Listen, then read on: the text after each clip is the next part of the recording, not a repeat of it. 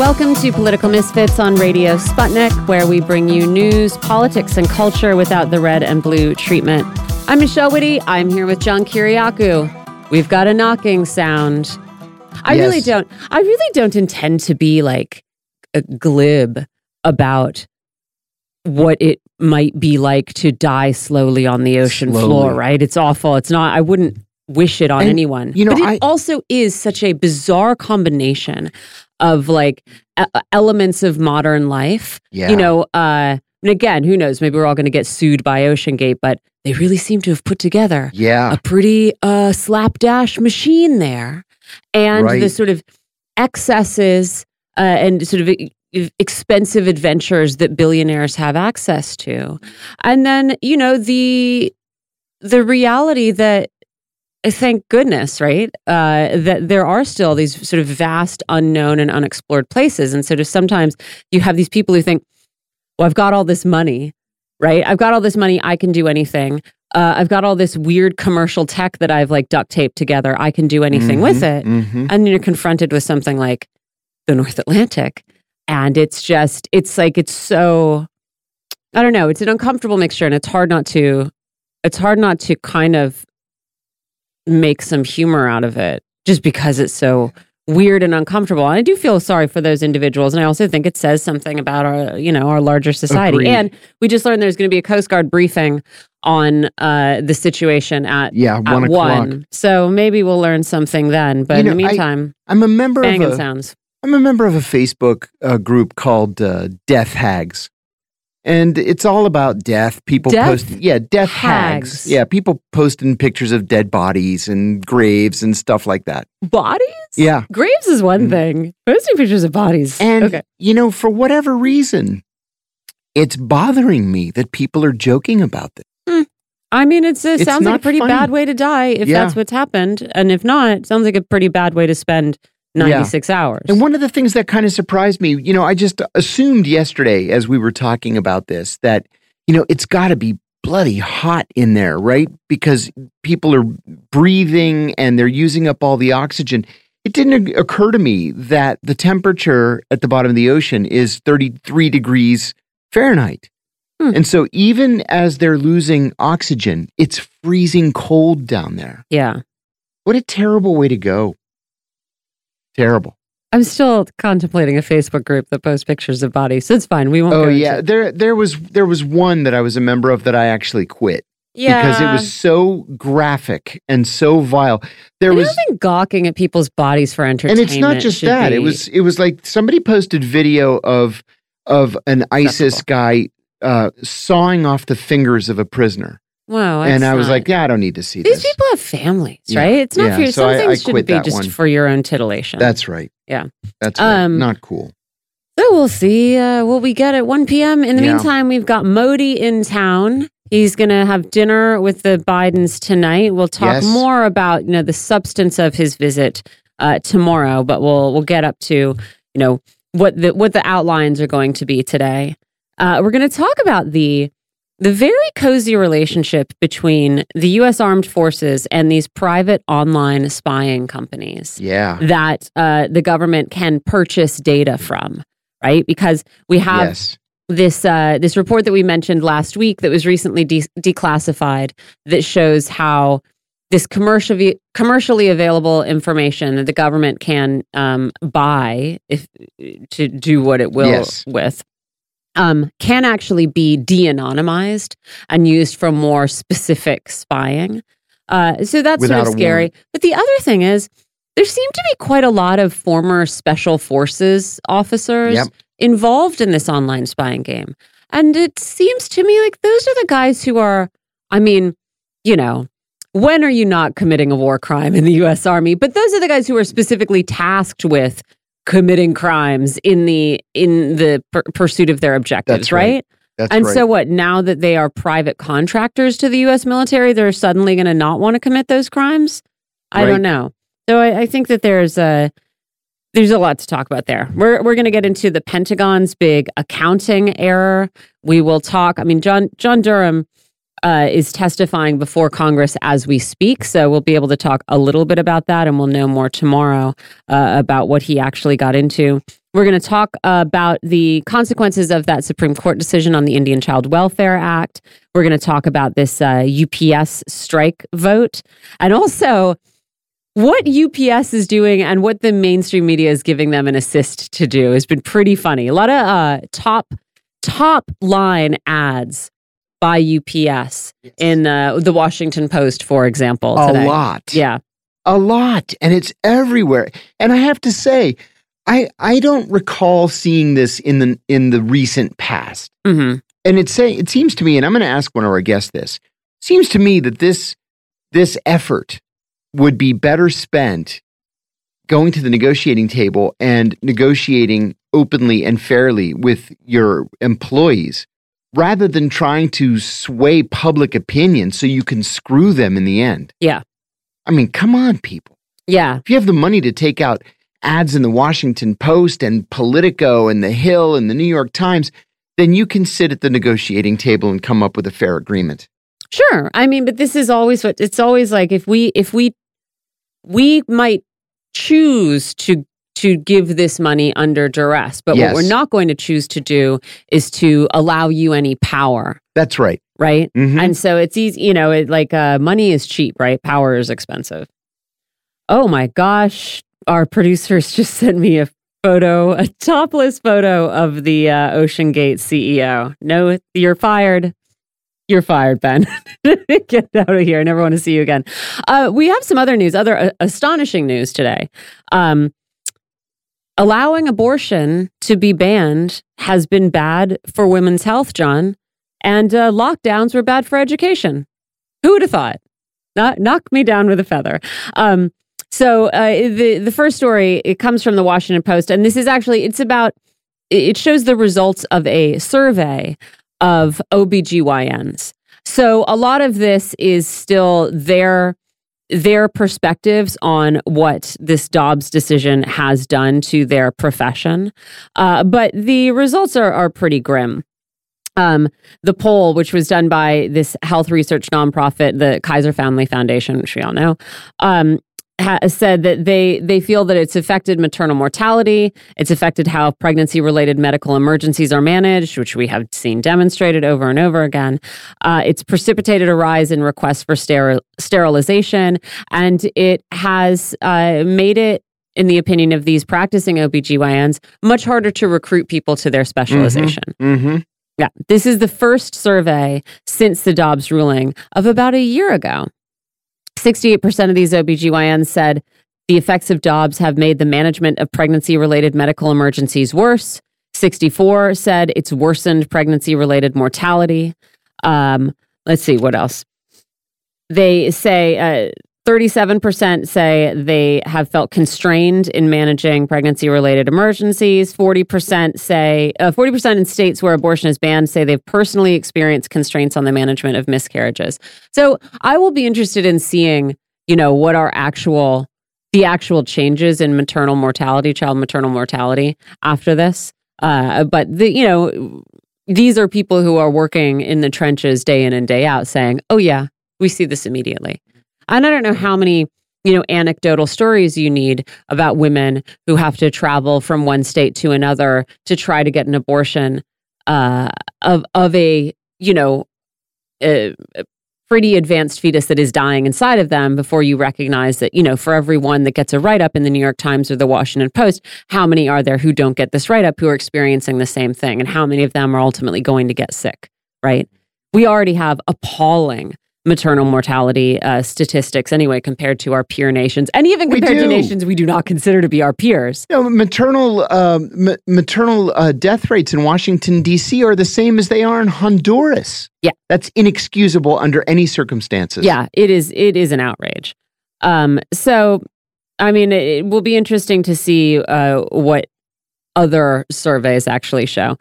Then we have this uh, report on the, the, national report card, right? What's called the national report card, this uh, study of tests uh, or uh, assessment of test scores of, of kids at different ages. Uh, it found that for 13 year olds, uh, scores plummeted. it's the largest drop in math in 50 years. Uh, they plunged nine points in math, four points in reading. This is Yeah. the National Assessment of Educational Progress, which we call the nation's report card. Um, the release, the data that was released today, uh, is being compared to the same period in 29. So this is the the biggest drop in math in, in 50 years. It's important to point out, I feel, and this is not to say that the effects of lockdowns are being overstated because I don't think they are, but the, these scores have been declining since 2012. 2012. Yeah, so this is just a steeper just rate of decline. Yeah. And this is reading comprehension and math. Uh, in May, and I don't think that we talked about this at the time, but in May, we got similar scores for eighth graders in civics and history. Those also have declined uh, immensely. Those also have been declining since 2014. So, Mhm, you know, mhm. Our education system does appear to be, you know, s- slowly the, the screws are coming unscrewed and panels are falling off. And I don't know how much longer it's going to keep rolling. Mhm. Um, as usual, hardest hit were the students who are already performing the worst. Uh, in math, their scores were their scores declined by 12 to 14 points, uh, whereas students who were already performing well at math only saw declines of six points. Right, so that's how you get this average. Uh, the pattern for reading was similar, with the lowest performers seeing twice the decline of the highest ones. In math, the decline was across the board, across regions, across demographics. Uh, in reading, scores reading scores dropped for black, white, and multiracial students, but not for Asian, uh, Native, or Hispanic students. Oh, that's fascinating. Yeah, The Asian students, I can understand, um, just because of the way the whole family is involved in education Mm. in so many Asian households. Um, the others are fascinating. I, I wonder why. I mean, sometimes I wonder if, like, okay, well, maybe this is not as maybe this is not a meaningful statistic. I Yeah. don't know. Th- that very well could be. I'm not sure. Sure. This is also sad. The share of students who reported that they never or hardly ever read for fun jumped by nine points to 31%. Oh my gosh. I wonder also if that has as much to do with uh, with smartphones as the lockdown. Oh, that very well could be. Because honestly, staring at a screen all day and social media, it wrecks your brain for reading. I hardly ever. I love to read. Right? I grew. I was always like I was reading under the. ta- I would get in trouble for reading. I walk down the street reading a book, reading under the table at dinner, rereading books. Mm, you know, nine and ten times. I don't even want to say how little I. I mean, I'm. I always have a book that I'm reading at night, but I'm not very often sitting down on the couch and reading, and it's because I'm playing a stupid game on my phone or scrolling through Twitter. And some of that is because I can't get rid of these apps because I need them for work. Mm-hmm. But yeah, just Sure. It just wrecks your brain. Yeah, it does. So I mean, I think I think you know, being in a lockdown and being stuck in your house for a long time is going to make things other than reading seem very appealing in the aftermath. But I, I think that this technology has not helped. And of course, you know, uh, the Washington Post writes about this. The response from the experts that they uh, that they got to to comment on these test scores ranged from "boy, this is terrible" to "yeah, this is really bad" to "this is going to take a long time to recover from." So across the board, education experts are saying this is really serious, right? We Right. we are really seriously This is falling really behind. serious.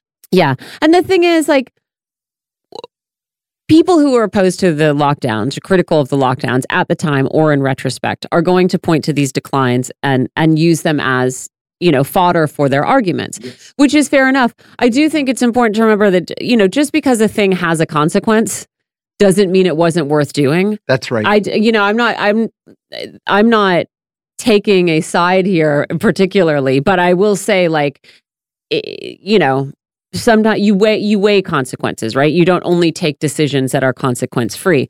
But I mean, what is very clear is that, as usual, uh, people who were already suffering, people who were already uh, uh, underperforming, are the people who were failed the most, right? And who are going to suffer as a result of this. And I think it is very clear that we just did not, we never figured out lockdown education. And I don't think we put that much effort into it. I mean, they did do an incredible amount of, um, you know, distribution of resources at public schools, like kids getting sent home with uh, iPads and stuff in order to do their remote learning. Sure, that was great.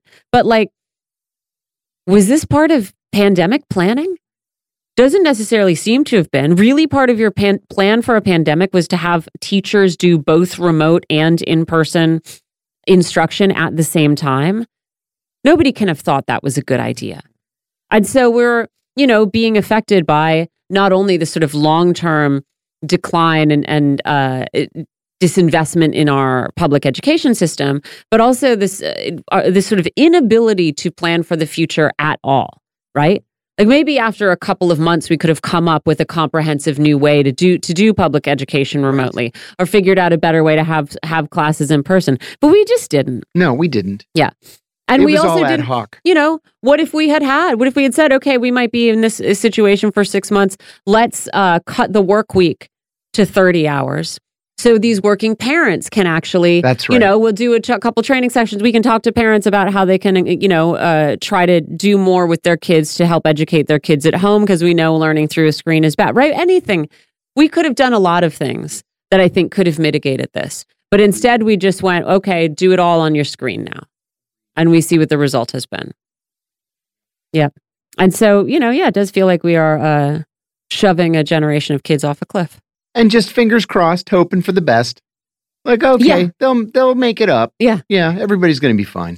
Yeah. Uh, re- reading, comprehend yourself a uh, parachute on your way down. There you go. Yeah. Yeah. Beautiful. Exactly right. Oh, well, I know we have our first guest. Our on the first line. guest is on the line, so I think I'm going to jump right into Yeah, it. do it. Just as things start to look better in U.S. relations with China, they turn around again. Just a day after Secretary of State Antony Blinken met with China's senior most leaders, President Biden took the opportunity to refer to Chinese leader uh, Xi Jinping as a dictator, angering the Chinese, of course, and jeopardizing whatever incremental progress Blinken may have made in Beijing. At a fundraiser in California, Biden, talking about shooting down the Chinese balloon earlier this year, said, quote, the reason why Xi Jinping got very upset in terms of when I shot the balloon down with two boxcars full of spy equipment in it was that he didn't know it was there. That's a great embarrassment for dictators when they didn't know what happened. Unquote. Besides the poor grammar in that statement, it was offensive. China called the remarks absurd and a provocation and said that Sino US relations were at their worst point since they were established during the Nixon administration. Indian Prime Minister Narendra Modi is in Washington today for talks with President Biden and other leaders. Modi led a Yoga Day celebration yesterday at the United Nations in New York. Did you happen to see the pictures? No. Very cool. Oh, okay. They were in Central Park with Doing hundreds yoga? of people doing yoga. Neat. Yeah, it was kind of cool. Uh, he, I saw some naked yoga when I went to Mexico a couple months ago. Not a thing I'm doing on the sand. Are you kidding me, no, people? thank you. I like nudity as much as the ne- more than the next person, right? but if some things should you should put on clothes for some things. they they help. That's one. Yes. Uh, Modi arrives in Washington today. His visit is indicative of the difference between Joe Biden's foreign policy during the 2020 campaign and Joe Biden's foreign policy as president. During the campaign, he said that, quote, the battle between democracy and autocracy, unquote, would be the defining event of his presidency. But as it turns out, he needs strong, important friends whose democracies may be flawed, like India or the Philippines, or they may be non existent, like Saudi Arabia. For his part, Modi is getting star treatment in Washington. He'll be the guest of honor at a coveted state dinner tomorrow night at the White House, complete with red carpet reception. And the White House is expected to formally announce a number of new agreements with India concerning military sales, technology, supply chain, semiconductors, and energy. And many countries have restrictions on land ownership. On the Arabian Peninsula, for example, only citizens of Saudi Arabia, Kuwait, Bahrain, Qatar, Oman, and the United Arab Emirates are allowed to buy land there. Everything else has to be leased from a national of that country. In Israel, only Jews may buy land in Jerusalem. That's according to Israeli law. And only European Union citizens may buy land on Greece's Aegean Islands, meaning no Turks. That's really what it comes down to. What what are they going to do if Turkey joins the EU? Change the law? Change the law. No Turks. Yeah, anywhere along the border, including the islands. Now, both the federal government and several states are considering legislation that would bar Chinese citizens from buying agricultural property in the United States. The impetus was a Chinese company's failed attempt to buy land in North Dakota last year on which to build a corn mill. But the proposed corn mill was very close to an Air Force base, and the deal was blocked.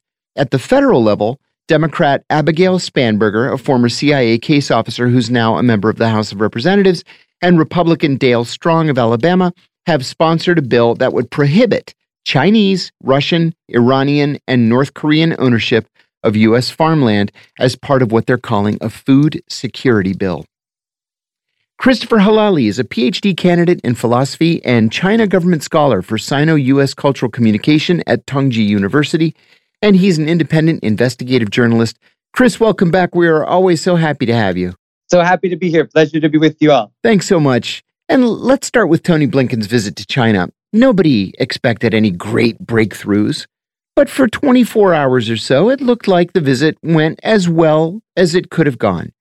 Before we get into Joe Biden's ill timed comments, though, tell us what Blinken succeeded at doing in Beijing and what was left undone on this visit.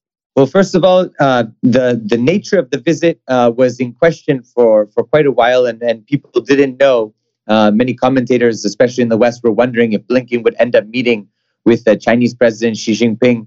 And uh, ultimately, when they met, uh, in a very formal setting. Um, it, it showed and highlighted the, the high profile nature of Blinken's visit to China. And I think what stands out for me is uh, some of Blinken's comments that, uh, in his words, are very good, and and we would you know necessarily we would support them. But the actions of the United States speak otherwise. So of course, Blinken told uh, the Chinese um, officials and the people that uh, they're not interested in a new Cold War. Of course, the U.S. actions uh, are quite different. Um, they don't seek to. The U.S. doesn't, uh, uh, you know, want to change the Chinese system of governance. Uh, of course, you know, other things uh, indicate, you know, otherwise, and um, that there are no alliances which the U.S. is forming that are directed at China. Of course, this whole pivot to the Pacific and you know regional ties, especially with South Korea, Japan, uh, and others like the Philippines uh, prove otherwise. Uh, and finally, of course, the big one that the, um, the U.S. does not support uh, Taiwan uh, independence or uh, raising the level to conflict with China. But of course, high profile visits like Pelosi's um, to Taiwan were, were very, very much um, you know, antithetical to this sentiment. So we had good we had good talks. We had you know Blinken said all the nice things and all the things that you know the U.S. constantly harps on. But uh, I think what was ultimately left out was the fact that the U.S. is doing the opposite of all of these things that uh, Blinken said that they believed in uh, on the ground and in the sea right now. And so ultimately, you know, China, uh, especially President Xi Jinping comments were directed at uh, the US basically saying, you know, we want to manage our relationships in a respectful and, you know, diplomatic way. Uh, you know, we need to have good relations to ensure peace and stability. And ultimately, we want you to respect us. Um, and while Blinken said that the US respects uh, China and the Chinese position on certain topics, uh, ultimately, in practice, that's not the case. In fact, the, quite the opposite. So I think that that's the main highlights. Um, of course, there was uh, all of the standard, you know, we're going to maintain engagement, we're going to, you know, uh, continue with dialogue and exchanges. Um, and the exchange of greetings between President Biden and Xi Jinping. But uh, of course, as you mentioned uh, in the opening, uh, this wasn't uh, meant to last more than 24 hours. Yeah, more than one news it really cycle. didn't. and that's that's the devastating part here. And then Joe Biden's comment at this fundraiser in California that Xi Jinping is a dictator could not have come at, as, as, at a worse time. It effectively negated anything that Blinken may have accomplished, even as minor as it might have been. Do you think the comment was deliberate? Was it for domestic political purposes? Was it a message to the Chinese? And do you think lasting damage will come of it? I mean, uh, for for those of us who've been watching uh, this, uh, what seems to be sometimes a circus uh, at the uh, the tops of U.S. Uh, politics, um, who knows? It could have just been a foot and mouth, uh, you know, scenario for for Biden, as it always seems to be. But actually, I think it's not a gaffe or anything like that. It's part and parcel of Biden's very stringent uh, idea that you know the world today is divided between democracies and autocracies and somehow we need to challenge autocracies and so of course he lumps in russia and china into that camp and so i think that absolutely was for domestic political consumption but ultimately biden as a as a seasoned political uh, you know operative and a politician knows that these comments are going to go straight to beijing and of course, you know, almost immediately, the Chinese Foreign Ministry uh, lashed out at the U.S. for these uh, what they called, you know, destructive and damaging uh, comments. So I think that Joe Biden is is wants to maintain uh, this line and wants to really emphasize that you know the world going forward is going to be uh, you know basically summed up by a rivalry between the U.S. and China and that China represents everything antithetical to the U.S. And so, you know, I, of course, uh, in the in the mind of Joe Biden, in the mind of many of the uh, political elites and the ruling class in the U.S., uh, you know, Xi Jinping is not a president, and China doesn't have a Chinese style of democracy. Uh, of course, he's a dictator, and it's a totalitarian regime. It's an autocratic regime, and uh, it must continue to be, um, you know, pushed against. And that means, of course, U.S. military might, economic power, and the like. And so I think that ultimately the damage that will come of this is that, uh, and of course, this was in the Global Times uh, most recently. Um, you know, the editorial board said it's time to test U.S. credibility, and ultimately, the credibility was lost within 24 hours. Never mind, they couldn't even go a few days um, with with you know at least having these niceties out there in the Chinese media. Immediately, Biden had to go back and harp on you know China's autocratic state, and therefore democracy is going to have to challenge that. And the challenge ultimately means regime change, um, you know, uh, uh, against the military expansion, so on and so forth. So I think ultimately they, the, the relations are cold. I don't see them improving anytime soon. I actually see them worsening um, over time. And I think that's ultimately due to Washington's inability to come to terms with a changing global order. Chris, Indian Prime Minister Narendra Modi is in the U.S. to begin a much coveted state visit. Not everybody gets a state visit, very few foreign leaders get state visits. He's getting quite literally the red carpet treatment, with the president hosting a major dinner for him tomorrow evening. Uh, we work just two blocks from the White House, and I can tell you that there's a great deal of activity going on over there to get ready for this visit. Modi had a warm relationship with Donald Trump. He has a warm relationship with Joe Biden. Tell us about the state of U.S. Indian relations. Why are they so close? Is this about China? And what agreements do you expect to uh, come out of this thing? U.S. Indian relations have always been um, uh, close, and uh, there have been strong ties between the United States and India. Of course, uh, it has been that way historically, especially in the Cold War, because India was the one of you know the largest democracy according to to many, and uh, in that way, it was always uh, seen as a buffer to communism and the expansion of communism. Of course, India has its own uh, indigenous uh, insurgency and uh, communist um, parties and activism uh, to the tune of hundreds of millions of people. So, of course, the United States. Um, you know, saw India as an important partner. However, prime ministers um, like Indira Gandhi, also maintained very friendly and warm relations with the Soviet Union.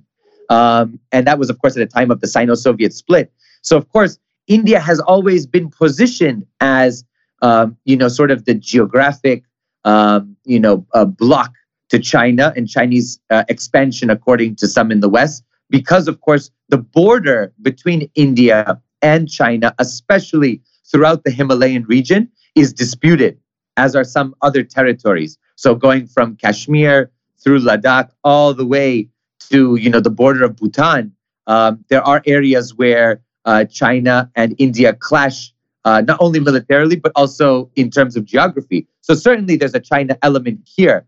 Uh, of course, uh, Modi is seen by many as you know having this authoritarian turn. Um, you know the Hindutva ideology and Hindu supremacy, and so you know, people are uncomfortable, especially in Washington. Some people are. The fact that, you know, here Biden has made this distinction democracy versus autocracy, and uh, many see India slipping into autocracy.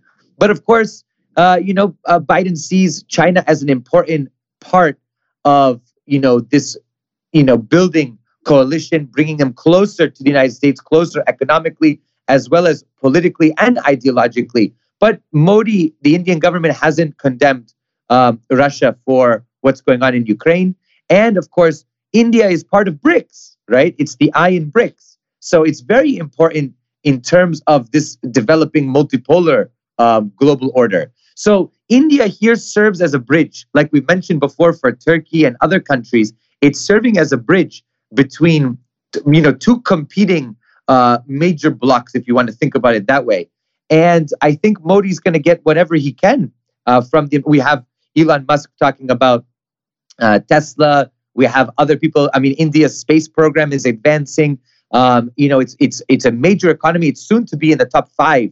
Uh, people are saying it's going to move up into that level. So really, what we are what we are seeing, and now it's the most populous country in the world. So what we are seeing basically now is we are seeing the U.S. really trying to give the red carpet treatment to Modi to court them more to the US side and the US side of the equation in terms of the of the world order. But India, of course, is going to play its cards carefully. It understands its geographic location. It's in Asia, um, and of course, it's it has relations with Russia and with with China. So I think that ultimately, what's going to come of this remains to be seen. But uh, India is in a very interesting strategic place to get to garner concessions and to garner uh, economic opportunities from all sides in terms of this uh, global order. And then tell us a little bit about what sh we should expect in terms of um, uh, arms sales agreements, uh, technology, supply chain, semiconductors, energy. I didn't even know India had anything to do with semiconductors. Uh, yes, uh, actually, you know, they have a growing um, uh, technological industry, and it's one of the fastest and most advanced um, in in the world. So, of course, uh, semiconductors, battery technology, uh, space exploration and space technology, including satellites and the launching of satellites, um, and also, of course, of course, we cannot mention or cannot forget to mention that the Council on Foreign Relations uh, just a few few days ago released a, a report speaking about the importance of U.S.-India trade relations, and it said in it, uh, and I quote with China at its doorstep, India also has an incentive to shore up its defense base. Now we know the Council on Foreign Relations is a mouthpiece for uh, some of the most, um, you know, hawkish uh, elements of uh, the Washington establishment. So of course there are going to there are going to be arms deals coming from this meeting most likely, and it's going to be posited as India's defense against China but also India has arms deals with other countries, including with Russia historically. So I think that you know it's going to be very interesting to see how this is going to play out long term. Uh, but certainly, it's going to be posited as China, uh, as you know, China is aggressive on India's doorstep. Therefore, we have to shore up India's defenses by providing uh, not only the latest technology but also advisors, because that also remains a, a key part of uh, of U.S. Uh, you know foreign and military um, power and projection is having military advisors and uh, foreign area officers working in India uh, to help shore up their defenses. So I think that that's going to be a major part of some of the economic agreements will also be in the defense and technology realm. I'm very interested to hear your opinion on this idea of restricting purchases of American farmland. I've always believed that there should be some sort of reciprocity or quid pro quo in international land purchases. But Congress and the states are now looking at this as a national security issue. With the Chinese attempt last year to buy land near a military base in North Dakota, which actually is also home to many of the US the US's intercontinental ballistic missiles, um, is this really a national security issue? How do you see it being resolved? And can I also just jump in? Because yeah. we talked uh, a year or so ago uh-huh. about the fact that Bill Gates yes. is the largest owner of farmland yes, in the United in the States, United not States. all land. So, like, Correct. no problem with individual right. oligarchs right. buying up and uh, you know holding huge tracts of uh, of of arable land in the United States. But a uh, Chinese company, no, absolutely not. Mm-hmm. You you took the words right out of my mouth. I you know I believe you know no no no you're you're you're spot on. That's exactly how I feel. Um, why do I have a problem with China buying you know a couple hundred acres when Bill Gates has thousands, tens of thousands, hundreds of thousands of acres. You know, these people, you know, these these rich landowners who don't farm themselves. I'm a farmer. I own a 300 acre farm in Vermont. Um, these rich landowners don't farm. They don't do anything with agriculture, and a lot of uh, major uh, investment companies, um, you know, on Wall Street, some of the major uh, financial firms are buying up farmland for purely speculative purposes, right? Uh, they're not, you know, the, the, the quote that we always say is, you know, God's not making any more land uh, at this point. So really, you know, everything we have is what we have. So if you can buy more and speculate more, land prices are through the roof. So small and medium-sized farms cannot compete, you know, on the market for some of for, for access to some of this land to purchase it for their own farming operations. So what do I have a problem with the Chinese when we have our own oligarchs who are buying up all this land and our own uh, financial firms buying it up? Um, is there a national security uh, uh, risk? There might be, but equally as much, there's a risk in you know uh, a, a very sizable amount of arable land in the African continent being owned by foreign corporations farming you know big agribusinesses for export. Here you have places that are in need of humanitarian relief, and the arable land in this in this on this on this beautiful continent is is being used to farm and to produce uh, you know meat that's then exported to South Korea of place of all places. You know, it just it's it's shocking, and Oxfam has done many reports on this. So ultimately, do I think there's an issue with farmland? Certainly there is. There's no doubt about that. But is the issue China? No, I think China is is is, is minuscule in comparison to the major agribusinesses and corporations and major you know oligarchs and the ruling class here who own large swaths of land which American farmers are not able to access or utilize, or if they are, it's as it's part of these lease agreements that are that that you know have exorbitant costs with them and that ultimately the farmers can't own the land. They can't really till the land as if it was their own. So I think this is a major concern. Um, I think that you know, I think that they, of course, as classic, um, you know, case study, uh, the, the, the people in Congress, uh, you know, the representatives and senators are going to hype this up as part of this new Cold War paradigm, and they're going to say, "Oh, China's coming in and buying land next to this uh, missile site." Uh, yeah, but the U.S. owns land everywhere else. Uh, you know, our empire is quite you know elaborate. So I, I don't know. I don't really see it. I, I think that this is a fear mongering tactic. I don't really. I'm not really too concerned uh, about it uh, in that way. I'm more concerned about our domestic elites uh, and what they're doing to farmland. I would agree with that. And I also have to say, I know we have one more question yeah, to get to, but like okay. again, when you look at the Gates Foundation and its role in sort of African agriculture, not a lot of concern expressed for how anti-democratic that is, yes. or for how uh, unclear some of the results uh, of that. You know, these multi-million dollar, mm-hmm. billion dollar investments mm-hmm. have been right. That's and so, right. yeah, again, I think uh, maybe we should have some concern about the the implications, the democratic implications of of of the likes of the Gateses and other wealthy individuals. Mm-hmm, mm-hmm. Absolutely. Chris, um, one last question for you. The Pentagon announced uh, that its previously reported accounting error showing that it lost track of $3 billion in military aid to Ukraine was actually not 3 billion, it was 6.2 billion. So both the White House and the Pentagon in today's press just brushed it off, saying that the error in no way impacted the amount or quality of U.S. military aid to Ukraine. What should we make of this, knowing that the military has never been appropriately uh, audited? I think what the I think the proper response is, "Whoops, we're sorry. Can we have an increase next year?" Uh, exactly. That's what it's gonna be. You know, if you think about it, I mean, this is the whole um, impetus behind the movement to audit the Pentagon, right? Uh, of which the Pentagon has not been audited, even though in, in 1990 there was this legislation and then the Pentagon skirted it. And then over the course of that time period until today, the Pentagon has underwent, you know, five uh, sort of provisional audits, failed all of them. Most recently, as you know, 2022, uh, to the tune of you know a half a billion plus in expenses for the audit. Yes. So I think ultimately, you know, this shows the corruption the the ineptitude of of the military uh, and of the military advisors to really handle this money, but also maybe in a little bit more of a darker scenario, the fact that this money is going to places we as taxpayers and we as Americans have no idea about, right? I mean, there are uh, you know billions of dollars at a minimum that go to things that we have no idea about. There's no oversight of.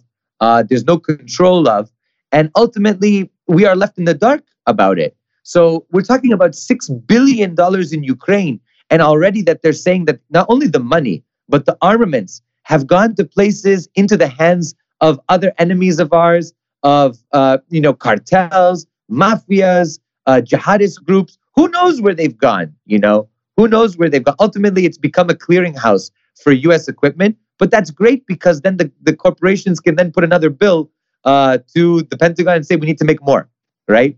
And you know, it's well, I feel like it's worth pointing out that Responsible Statecraft just yesterday had a story about a fifty-two thousand dollar trash can uh, that was purchased again. up until 2010. It's a trash can that Boeing makes. They charged three hundred dollars for it. Uh, in 2020 the Pentagon paid Boeing $200,000 for four of these trash cans. And so, you know, these these military contractors, uh, these uh, private defense industries are doing the same thing that we have seen corporations do. They're saying, "Ooh, inflation. Ooh, we have to think about our future profits," and using that to to absolutely price gouge. It's just that, you know, once again, the people who are getting price gouged are us, and the people who are accruing more power because they are increasing their profit margins are these people who have no regard whatsoever for how their decisions affect our lives. Mm-hmm. And so it's sort of comic but it also is part of a pattern that has brought us to this point where yeah you've been you have this six billion dollar error and who cares and no of course that money was never going to go to schools or hospitals or anything anyway oh you're absolutely right i mean just think about how much money most tax dollars most of the money of the US government goes to the military and goes to the military industrial complex. The fact that we can't even have an audit, we can't even have proper oversight, we don't know where this money is going, and we're just going to brush off $6.2 billion when during the pandemic we had to beg for every penny for the American people to survive. I mean, this is insane. This is, this is, I'm not, I'm, I'm surprised that people aren't up in arms about this more and more. But slowly, I think people are, you know, people have shorter and shorter fuses, especially as inflation continues, even though it's a bit lower. But still, people are being priced out. People are being forced out. Rents are going up. The homeless eh, population is increasing. People's, you know, medical care is going up. I really think that we really have, as a country, have to take a hard look at our budget and have to bring it in line and and give more to the people and less to the military. They're eating everything up and spending it like uh, you know a, a teenager with the parents' credit card. It's insane. It's irresponsible and it's dangerous. Indeed. Christopher Helali, thanks for joining us. Chris is a PhD candidate in philosophy and China government scholar for Sino US Cultural Communications at Tongji University, and he's an independent investigative journalist. Uh, there's no reason to take a break. No, I want to talk about ICWA. Yes. We are going to talk about this uh, verdict that upheld the Indian Child Welfare Act, uh, what it means and what it doesn't mean. We're joined by John Kane. He's a Mohawk activist and educator. He's also producer and host of the Let's Talk Native podcast and hosts Resistance Radio on WBAI Pacifica in New York. Thanks for joining us, John. So we we talked briefly about this decision uh, when it was handed down. I know it came as a relief to a lot of people, as a surprise to uh, some people.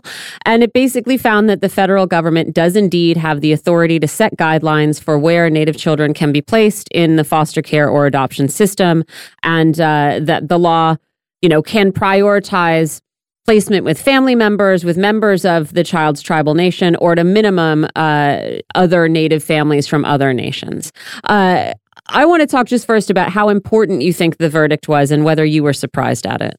Well, I'll admit I was surprised um, because I think this conservative court, which is um, really poised to uh, uh, to, to really charge that the federal government is in a constant state of overreach um, and whittling away at states' rights. That's kind of what they do, right?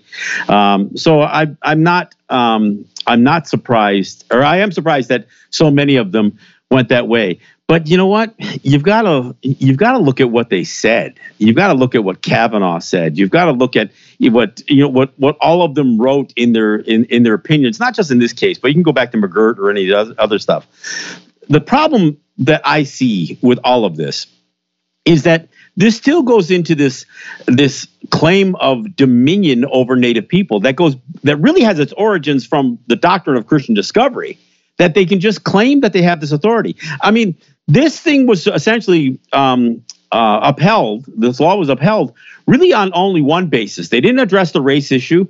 They really didn't even address um, uh, whether this is just a classic federal government overreach of states' rights. They really stuck along the lines of the plenary powers doctrine of Congress. And that is a lie in of itself. I mean, honestly, the reason that I mean, Clarence Thomas uh, voted against this because he questions whether plenary powers really exist or not. And he has done so for many years. And I'm not singing Clarence Thomas's praises because I don't see him as, as a friend to Native people by any means. But he has questioned for, for many years about whether this claim that that the, the commerce clause of the US Constitution establishes that Congress should have this and, and again when we say plenary powers let's be clear we mean ultimate power the, the, the supreme power over native people. The commerce clause basically says Congress shall have the power to regulate commerce with foreign nations among several states and with Indian tribes. It doesn't say it doesn't even say of Indian tribes. It says with and for anybody to suggest that that clause, which is the only clause of the U.S. Constitution that gives that cites the power of Congress, because the treaty clause was an executive power, it wasn't even a, a congressional power. But to say that, oh yeah, see the founding fathers, and you know where this all came from? The Supreme Court. The Supreme Court built this whole plenary powers doctrine. And so they keep building this house of cards. And that's why you had ICWA in the first place. You didn't have the federal government saying, well, you know, we recognize the sovereignty of Native people, and uh, and it really should be left to uh, to these nations on where whether a child is removed from a home or and where they are placed when they are. But instead, they still they still defer that power to the state CPS system uh, child protective systems. Only now it could put guardrails up and says, yeah, but you can't just keep taking Native kids out and putting them in white homes. That's basically what ICWA did. But we were we still weren't recognized as sovereigns. We nobody was saying, you know, we're gonna we're gonna leave this up to tribal courts or these nations to uh, you know create um, infrastructure to handle uh, child child welfare cases because it's wrong for the for the states to do what they've done. But here's the other thing. Let's be clear the federal government makes it sound like, oh yeah, we have to take on the mean old states because of what they're doing with foster care and uh, you know and adoption. But ignoring the fact that the Indian reservation schools or res, uh, residential schools, that was federal programs. That was federal dollars and, and authorization that created that. So, I mean, we want to pretend that that ICWA was all about ending residential schools and, and saving children from, from the mean old placement of states. But it, it still just reaffirms uh, uh, a myth that somehow we have agreed to be subjugated by the federal government and and in turn given this power to Congress to protect us. I mean, this gets into the whole question about trust responsibility and uh, which which is a, another fallacy. Well, yeah, it's it's interesting because yeah, I, th- I mean, I was relieved at the decision. A lot of people were relieved at the decision. It, it's sort of like simultaneously, and I I listened to your uh, program where you talked about the difference between defending native culture or the importance of native culture versus defending native sovereignty, and you said, look, the, ICWA, this decision. Uh, you know, uh, speaks a lot about Native culture and the need to defend Native culture, which is perfectly, you know, good and fine. It's not the same as sovereignty. However, it also feels like it if it doesn't do anything to sort of further the idea or the cause of sovereignty, it does stand in front of what I think were probably uh, efforts to undermine it by uh, using this angle of uh, unconstitutional racial preferences, right? Whereas if you can get a court to say these aren't nations we're dealing with, it's just races, then you can really sort of start pulling apart, every, uh, you know, uh, the idea of sovereignty. So, and it's sort of hard to talk about these two things at the same time. I wanted to talk about, you know, so I, I guess I'll leave it to you, right? I, I do think there's a way in which the decision has, at least for the time being, uh, blocked a certain avenue of eroding sovereignty. But that does not mean that the decision does anything to promote it, if that makes sense as a question. Well, I mean, for one thing, the court didn't address the racial preference issue. They, I mean, they, they never got there. In fact, they they um, avoided that question simply by um, you uh, addressing the standing issue, whether whether the, those who are making the racial uh, um, argument had standing or not. So that argument's still out. And in fact, Brett Kavanaugh wrote a separate opinion where he stressed, and in fact, in his oral arguments, kept stressing this idea that oh, so basically, just uh, you know, the the poor uh, um, can't adopt this, this these children because of the wrong race. He doesn't mention culture. He doesn't mention any of that stuff. He just is because of the wrong race. So, look, um, if ICWA had been gutted, there, there's any number of things that could have happened. But uh, the fact that they didn't address the racial issue, um, and and they still won't acknowledge that we are a distinct people, that we aren't just a somehow lesser um, race of, of Americans than than white people. I mean, that's that's there are still plenty of people making that argument, and this court didn't address that issue. All they addressed is is, is again the plenary powers doctrine. That's really all they addressed here, and that doesn't say anything about our sovereignty. In fact, if anything, I think it it, it makes an argument against against our sovereignty because apparently only Congress, you know, in fact, this is what the Supreme Court once said. It said Congress has the power to regulate the metes and bounds of native sovereignty or tribal sovereignty. I mean, where did they get that power? We didn't give it to them. Yeah.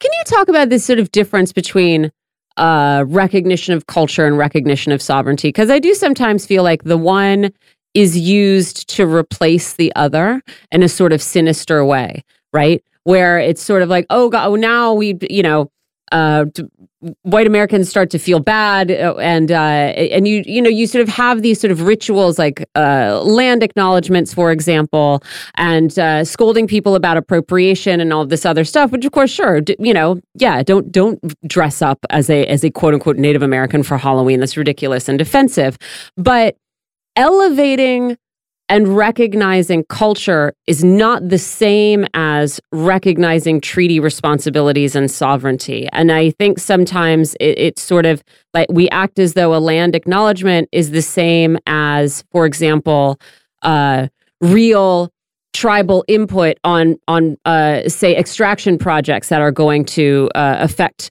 uh, their lands, right? And real input meaning no is a possible answer. Uh, and I, I wonder if you could speak to that a little bit. Well, I mean, there's no question that that ICWA was trying to right one of the wrongs that the federal government had uh, had been committing for over 150 years. You know, in fact, any of the assimilation projects, uh, any and all of them, were you know were about destroying our culture. So I think they were faced in 1978 with the with with having to uh, reckon with what they had been doing all these years, and that included the adoption system and the foster care system. But, but, but again, in a big way, this this residential school thing, which the United States is only beginning to reckon with at this point. You know, unlike Canada that has done something, although I think it's uh, it was a flawed process, but the United States hasn't even started or, or just barely started. But so, you know, I think there, it was clear that the idea of taking and and like the, the vast majority of kids that were being taken from homes, from native homes, for a variety of reasons, mostly due to the poverty that was caused by uh, by U.S. policy uh, on native territories. But the vast majority of those kids were being placed in, in white homes, and they knew they couldn't continue. They we, we were finally, you know, getting enough noise made. Look, we the civil rights era was was was kind of you know a decade earlier, and we were still having our kids ripped away from us. So I think the federal government had to acknowledge that taking our children away and uh, and then trying to weigh this idea of what is in the best interest of the child, and you base it only through a white gaze, through Christian white folks, uh, affluent Christian white folks, and yes, that's always going to be the best, uh, you know, best scenario for you know for these paganistic children. Well, that's what had continued for all these years, so they had to reckon with it. So the idea that ICWA said that we needed to place Native children in um, in Native homes uh, and, and told the state CPS systems that they had to do that. You know, I think it is somewhat of an acknowledgement of uh, that destroying culture um, was, you know, was still genocide. So I don't think this was, you know, some great, um, uh, you know, uh, testament to the altruism of the United States. I just think that they realized they, they couldn't get away with this stuff anymore. And and and by using this plenary powers doctrine and making this a battle between the federal government and the states and keeping us out of that that fray, like almost almost leaving us as as the third party that uh, you know that again wards of the state I, I, mentioned the, the trust responsibility look when we say words like trust many of us think of it as a virtue, right? Trust, as, as in you can trust somebody. But the United States uses that word as in trusteeship. Like we are incapable of really raising our own children. you know, we're incapable of managing our own funds like the Osage who were murdered for their money. I mean, we're incapable of all these things. And so you create this trust responsibility where we are simply wards of the state. And I think, you know, by by putting value on culture but not sovereignty, you don't have to give up any of that ward custodian relationship that, that the United States has prided itself on with Native people. And I, and I think that's a, still a really, really big problem. And I wonder if there's, uh, you know, if you can envision a like a, a, different legal mechanism that would have the same effect of protecting Native children from being, you know, taken by state authorities and placed outside of uh, of their families and their tribes. If there's a, something that doesn't you know, could rest on a firmer foundation than these uh, uh, plenary powers of Congress? Well, I mean, simply recognizing our sovereignty. I mean, the, the, the at the end of the day, even as we talk about reckoning, you know, these residential schools, if you're not going to talk about restoration of land and autonomy, and by autonomy, I don't just mean culture. I mean, I mean standing. If you're not going to restore any of that, then we're going to continue to have this conversation. But I think it would be easy for for many native territories to take on the responsibility of placement of native children. And you know what? And if they don't, then that's what they should have done with ICWA. They should have funded a program that would have helped build that that child protection infrastructure on native territories since they were the ones who destroyed it in the first place.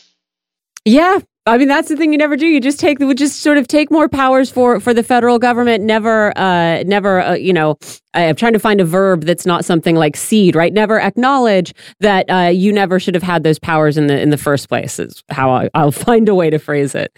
Uh, John Kane. Well, like I said, it, it, it, still comes back to you know to this idea of white supremacy, the doctrine of Christian discovery, and and that's where we're still we're, we're still fighting that. Yeah, and this idea, and you have to sort of constantly unpick your own language that uh, that rights are bestowed by the U.S. Uh, federal government and not the other way around, right? Sure, exactly. That was John Kane. He's a Mohawk activist and educator. Tell our listeners where they can find your other shows, John. Well, I do resistance radio that airs on WBAI and WPFW. That's in New York and Washington, D.C. Uh, that show gets put up as a podcast, and you can find it on any podcast platforms. And I also do a podcast called Let's Talk Native, which is available again on all the uh, the most common uh, po- uh, podcast platforms. Thanks so much for joining us, John. Really appreciate it. Thanks for having me. We're gonna take a we're gonna take a break here. We're gonna come back. We're gonna talk about uh, Durham's testimony here yep. before Congress. There's we're gonna talk about this UPS vote. We're gonna talk about uh, why so many ex-military guys are getting into the online spying game. There's a lot coming up. You're listening to Political Misfits on Radio Sputnik. We're live in DC, and we'll be right back.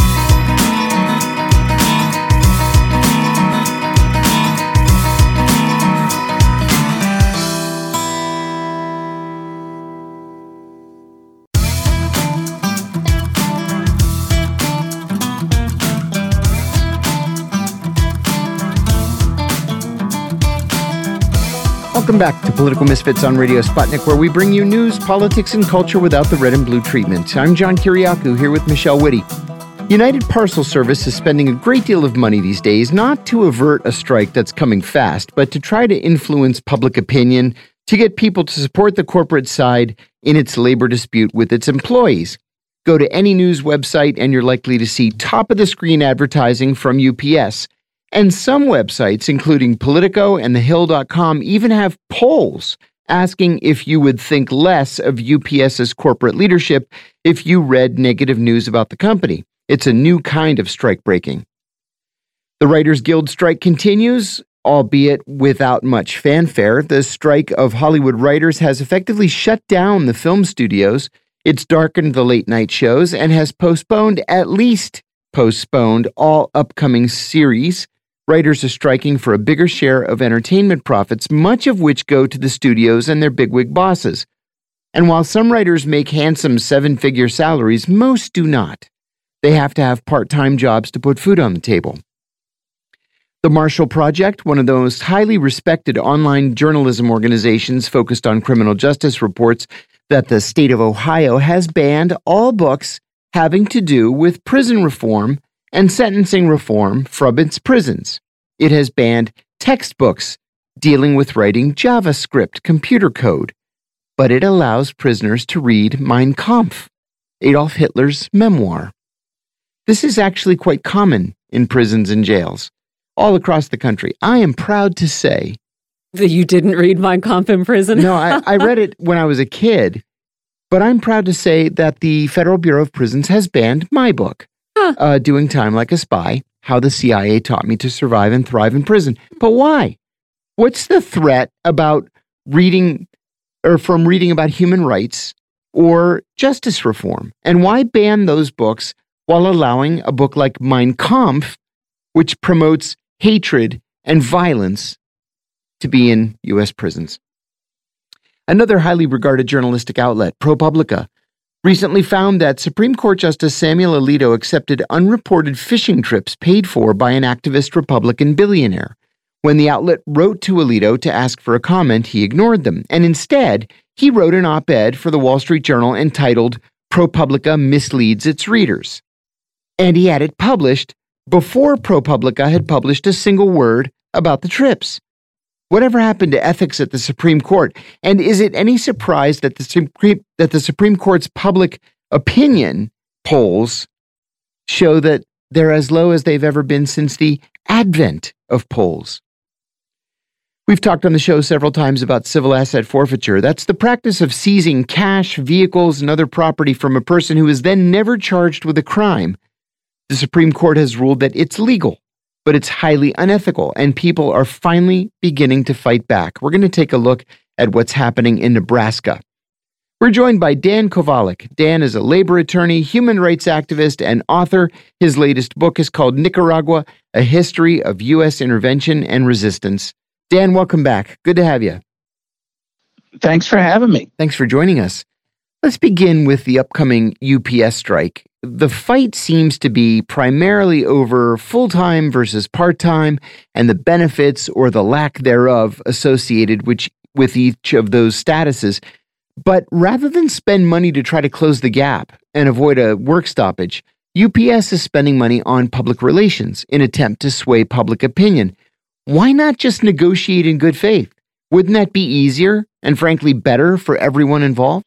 Well, that's usually always the case that companies seemingly could save a lot of money by just negotiating in good faith, um, but they take another route, um, you know, because they want control. And um, they're not willing to, to, to cede that. And they were even willing to lose some money to hold on to that control. And that's usually what, you know, ultimately these things are about.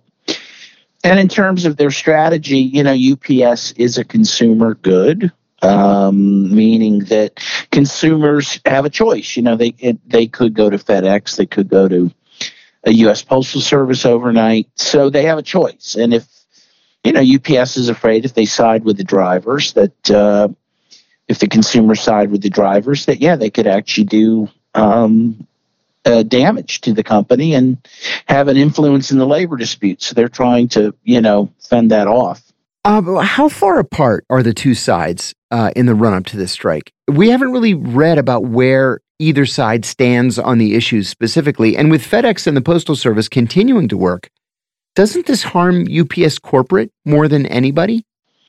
Well, it certainly could, though, of course, if, you know, workers have to strike, uh, they'll be without work. Now they do have a, a big strike fund, so you know they hopefully won't get hurt too bad. But both sides will get hurt economically in a strike. I mean, I've always said, and I worked for the steelworkers, as you know, for many years, and and you know, the, the common. Uh, you know, maxim was that a long strike hurts everybody. So it could it could very well hurt everybody. How far are they apart? I mean, I think far enough apart that this really could become a labor dispute. Yeah. Yeah. And if it does, presumably it's going to drag on. And, uh, you know, I remember, and I'm sure that you do too, uh, Dan, p- uh, people used to say into the late 1970s, as goes General Motors, so goes the economy. And in fact, when GM went on a strike in, in the mid 1970s, it actually pushed the entire economy into a recession. Now, that's, that's not likely, but UPS is a very big company. We already have supply chain problems. If this strike happens and if it lasts, are the likes of FedEx and uh, U.S. Postal Service going to be able to pick up the slack, or are we going to start seeing supply chain problems again? I think we very well could see supply uh, chain problems because I, I really, I don't see sadly the U.S. Postal Service as being quick enough on its feet to pick up the slack. FedEx probably could to some extent, but UPS does an awful lot of business. And so I think it will be very hard for the slack to be made up, at least in the short term. So, yes, it could have a huge impact on the economy. Let's talk about the Writers Guild strike for a minute. Uh, that strike also continues, even if it's not getting much press outside of the LA Times. This seems to happen every few years, where where the Writers Guild um, goes on strike, or you know, an associated union. But we've never seen such a disparity in the sharing of entertainment wealth than what we're seeing now. Uh, do you think that this strike has the possibility to change the system there? And do you expect this to be a long strike? Well, I'd like it to change the system. I'm not sure it will. Um, I think the disparities reflected there, frankly, mirror what's happening in the greater economy, mm-hmm. where the mm-hmm. disparities between, you know, the CEOs and the and the workers are huge. They're you know record uh, world you know record levels. I, I think this strike could go on for a while. It went on for a while last time. Of course, the big change last time, or at least one time, I can't remember the last time the strike was, but uh, reality TV grew out of a writer's strike, right? Because they don't need writers for reality TV, mm-hmm. or not mm-hmm. much. You know, obviously there's some scripting, but you know they kind of let things play out. So it actually changed TV yes. in a big way. You know, so Good it could have huge impacts that we don't even can't even you know contemplate at this point. Yeah, you know, my brother-in-law's niece is one of the producers for uh, House Hunters on HGTV, and th- there's like a secret of House Hunters. Um, it's it's a fake show. It's a phony show. I know, right? It's shocking. It's shocking. Are you telling me something on TV that says it's real is actually is fake? Fake. Yeah, they. Someone needs um, to investigate this. They go into the show having already bought the house, and the other two houses are usually just their friends' houses. The whole thing's made up. Terrible, right? I mean, I have never watched this show in my entire life, and I like was totally joking. But that that it's so made up is actually yeah, it's completely made up. And uh, and as Dan just said, and I want to reiterate what Dan said, there are no writers on that show, none. It's reality. Now the question is, do you cross the picket line, which is a whole different issue. I would hope that they don't. But you can say the same about most of these reality shows. There's there's sort of an overarching uh, storyline but there aren't writers per se. And then the question becomes a bigger one. Do you respect the picket line or do you not respect the picket line? Don't have that problem with AI. No, which is a whole different issue that they're going to have to confront too. And I'll say another thing. I, I, mentioned several months ago. I was I was the script consultant on a show on CBS called uh, True Lies, and um, they finished season one. It was eleven episodes, and as soon as the the 11th episode was aired, they went on strike. Now, the showrunner, the head writer, co-creator of the show, is the guy that I'm friends with. When he was 26 years old, he was doing so well on a show called Burn Notice that he had also created that he bought his first Bentley, right? And he told me once they got to season five, he would never have to work again as long as he lived. And he was in his 20s when he got to season five never have to work again as long as he lives. But there are seven other writers on this show. One of them is a State Farm agent because this whole TV show writing gig is fun, but it doesn't pay the bills. And he's not the showrunner. He doesn't own the show. He's hired help. So, strike or no strike, he's a State Farm agent to put food on the table. Well, now they're on strike. And in my view, this is just my own humble opinion, um, the disparity is so enormous there, where you've got writers who can make upwards of a million, two million, five million dollars per episode, depending on the popularity of the show. And then you've got people, yeah, yeah, you got people making five grand an episode. Yeah. You you can't live on that. You can't live on that. Yeah. And that's true with actors. That's true with That's actors true with too. actors as True. well. Football players, you know, Well, like it's football last players. I checked, yeah, the average actor makes ten thousand dollars a year. You know, um, there are some, as we know, who make millions, but Yeah. most make little to nothing. Is Yeah. the truth of it. Yep, yep, yep. That's exactly right. I I've got a friend uh, from high school whose brother is a quote actor, right? He's an actor.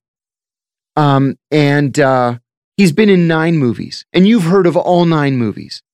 Interestingly enough, he always plays a doctor. Um but in real life he's a nurse.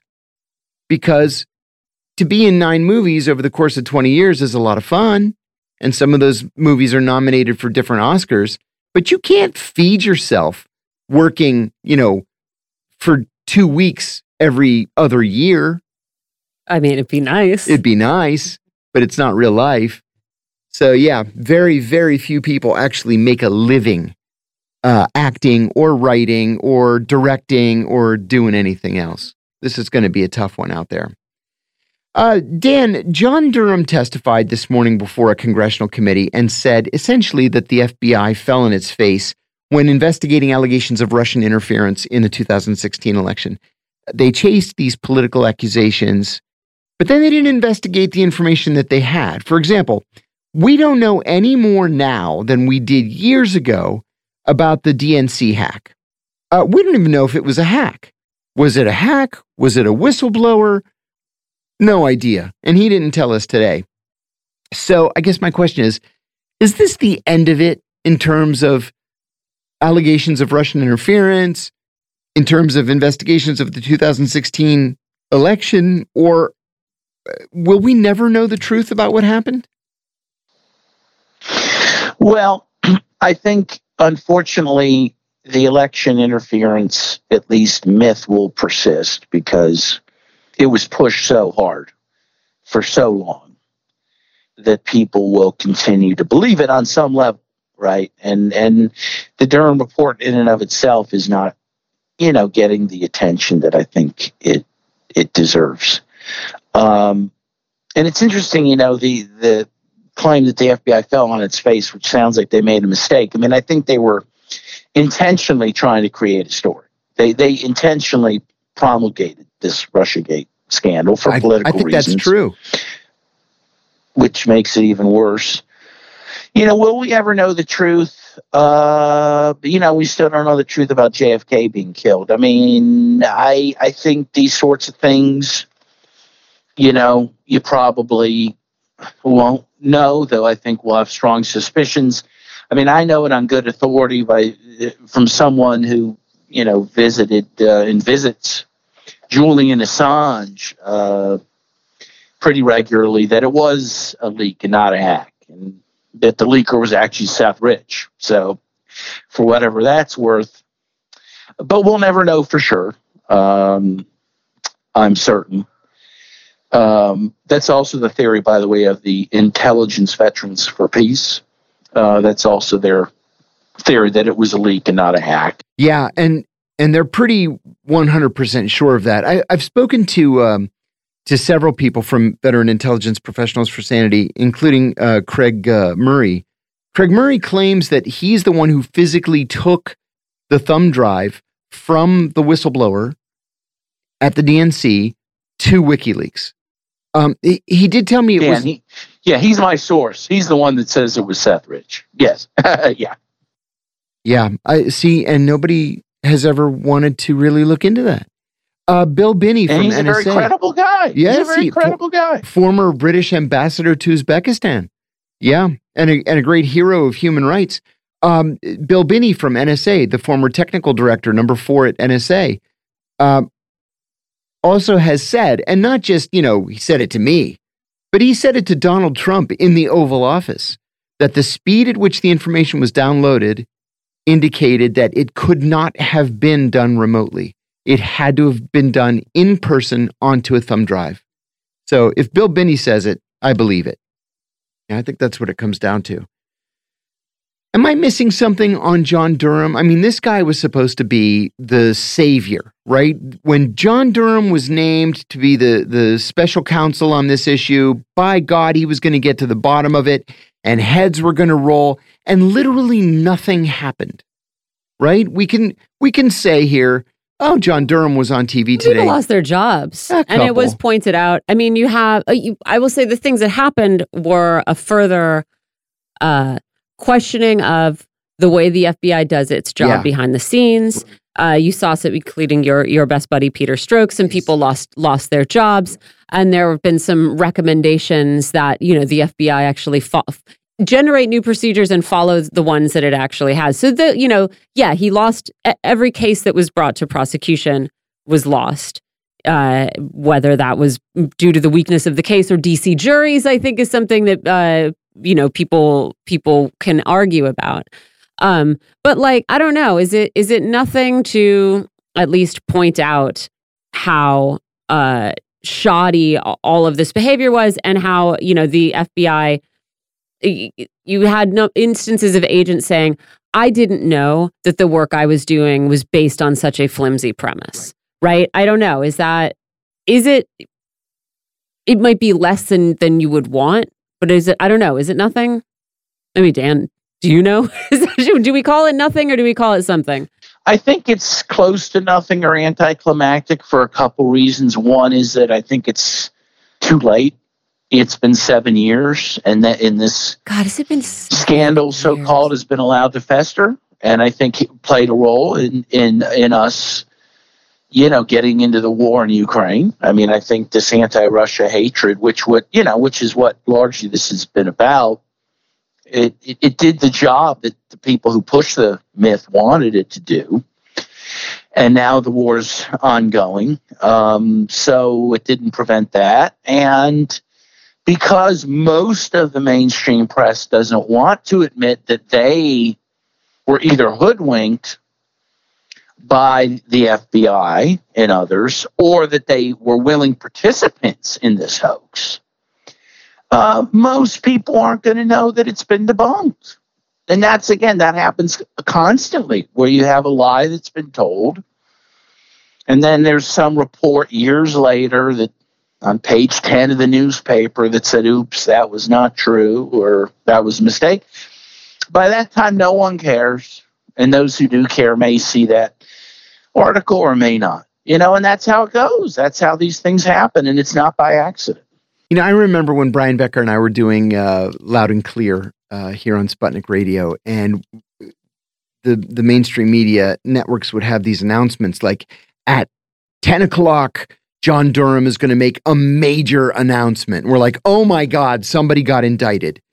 And it would be like, you know, John Doe number one or Ivan Doyevich number one, some guy who had some connection that they couldn't explain to some internet, you know, farm outside of St. Petersburg. It's like, seriously? Well, because it was a whole bunch of people, for the most part, doing really petty things, either right. petty crimes or petty instances of, of misbehavior that doesn't rise to the level of criminality. But that number of people doing that number of petty crimes or non crimes that are taken seriously Yep. by almost every mainstream journalist in in America. Well, sorry, no, I won't say I won't smear them that way, but you know are are taken seriously by journalists and then given a huge platform by editors like that's i mean that's the problem there's not one big bad guy standing behind this necessarily Yep. you know Yep. it's just a bunch of little people pushing a ball down a hill and a bunch of journalists watching it going like nito let me jump on for a ride Well, and then you had you had people like Rachel Maddow who made a career. Oh my God. And, and Yeah, she She got rich it. on this. she and she hasn't been hurt in the least, not in the least. She's doing a new podcast about how uh, history is a useful way to view the present it's uh, so offensive you know Yeah, It really. awful. You you don't think that might have been useful in the last seven years to sort of look to these previous scares or look to U- U.S. history? God. Dan, um, book bans in prisons have always been an issue. Paul Wright at the Human Rights Defense Center is constantly in court challenging both book bans and bans on his pre- prison legal news and criminal legal news magazines. I can understand banning books, of course, on how to escape or the anarchist cookbook or books that promote violence, but I don't understand these other bans. In the federal system, the BOP says that they ban books quote, that interfere with the smooth operation of the institution, unquote. But then nobody can explain what exactly that means. What are your thoughts on book bans as an attorney? And is there any way to fight them? Yeah, there are. And I think they can be fought on constitutional grounds because they do have to have a reasonable basis for doing what they're doing. And it does have to relate to the safety of the prisoners and the staff there and a lot of these books being banned have nothing, you know, do not impact negatively on that. Now, why are they doing it? It seems to me they're banning books that actually facilitate prisoners bringing their own civil rights cases against the prison, you know, jailhouse lawyers and whatnot. And that's what they don't want. That's what they're trying to prevent. And and if prisoners don't know their rights, then they can't bring these cases, and they won't even think to call a lawyer to bring it for them. So it seems to me that is what the prisons are doing. But again, I don't think that that is a reasonable basis for banning the books under the U.S. Constitution. And I think that, it, you know, these things hopefully will be overturned. But obviously, someone has to bring the cases to to challenge the bans. Supreme Court Justice Samuel Alito is just as unapologetic as his colleague Clarence Thomas when it comes to taking money, taking gifts, or travel from rich Republicans and then failing to report it. What he did when ProPublica questioned him about it seems scandalous to me. Are there formal ethical guidelines for Supreme Court justices? And if so, what happens when they violate those guidelines? Yeah, there are. And, the, you know, there is some oversight, but I mean, very little. I mean, the problem with the Supreme Court, of course, is that these people have lifetime tenure. And mm-hmm. so they are they're virtually bulletproof. I can't even remember the last time a Supreme Court justice was removed or even challenged. you know, if even subject to a challenge for remo- removal. Yeah, I think we talked to Bruce Fein about that, and it was in the '60s. It was Abe Fortas. okay. Yeah. Yeah. So 60s. that's a long time ago. A long that's many time. moons ago. That's right. That's right. And so, you know, it's that Lord Acton quote, you know, power corrupts absolute, power corrupts absolutely. They they're virtually, you know, unreviewable in in in their conduct and therefore they do whatever they want. And now of course, you know, the both parties have realized you know, it's important to nominate young people to the bench because so they can stay there for a long time, right? So now you have you have justices that are there for decades, and I just think over, especially over time, they become more and more corrupt. They get used to, you know, special treatment and and and whatnot, and uh, it's a very corrupting system. I think that the Supreme Court is going to have to be reformed in some way because it just it, it is a you know a festering problem. It has now become the most powerful branch of government. It was never supposed to be that. And um, the polls show that I think you mentioned the American people are losing faith in it. And that's all it has is the faith right? Because it doesn't as they it, as they said uh, i think it was alexander hamilton said they don't have the power of the purse which is congress or the power of the sword which the executive branch has. All they have is their credibility. If they lose that they have nothing. And i think we're on on the way to them losing credibility. Can you explain where the oversight comes from uh, John Roberts, the the uh, Chief Justice, said just a couple of weeks ago that, for example, he would not respond to a request to testify by the Senate Judiciary Committee because the Senate Judiciary Committee, he argued, does not have jurisdiction over the Supreme Court. So, what what would be oversight of the Supreme Court? Where would that come from? Well, I would think the Senate Judiciary does have Yeah. that. I mean, I think he's That's wrong on that. But then again, how do you enforce it? That's the problem. If he says no, and then you have a constitutional crisis, and who brings the lawsuit? And then guess where it ends up in the Supreme Court? I mean, it's a mess. It's a mess. It's a mess. And again, I, I think the founding fathers did not see the Supreme Court becoming this powerful. Of course, the Supreme Court gave themselves the power, right? They they the, decided they have the ability to interpret the Constitution and whatnot. Um, that it doesn't say that in, in the Constitution. So they they've actually given themselves a lot of power. No one has challenged it, and and you know it, it it's only worked for a short period of time. Let's face it. You know, there's terrible decisions of the Supreme Court going back many years. Most famously, probably Plessy versus Ferguson, right? Right, which upheld separate but equal and and upheld discrimination. Um, there was a very short time, uh, you know, beginning in the '60s and probably going.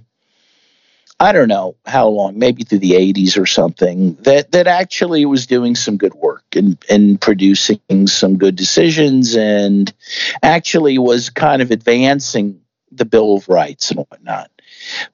But but for all the rest of its history, it really has been the last backstop for the ruling class, is the truth of it. And it's back to that role now. Uh, um, but people got used to seeing it in a different way you see that it could be something else. And because of that, they want it to be something else. They want it to be better than it is, and it's not. And that's leading to a crisis. I've long been concerned over civil asset forfeiture. I've written about it extensively. This is simply a form of, of stealing. It allows the cops just to steal. We've we've all seen terrible stories of innocent people losing their life savings to crooked cops who then never charge them with any crime. So I, I want to read to you from a from an article. Uh, this is from a local paper in Seward, Nebraska. Uh, in August 2020, flashing police lights stopped Christopher Bolden's van on this short ribbon of road, Interstate 80, as he headed west through Seward County.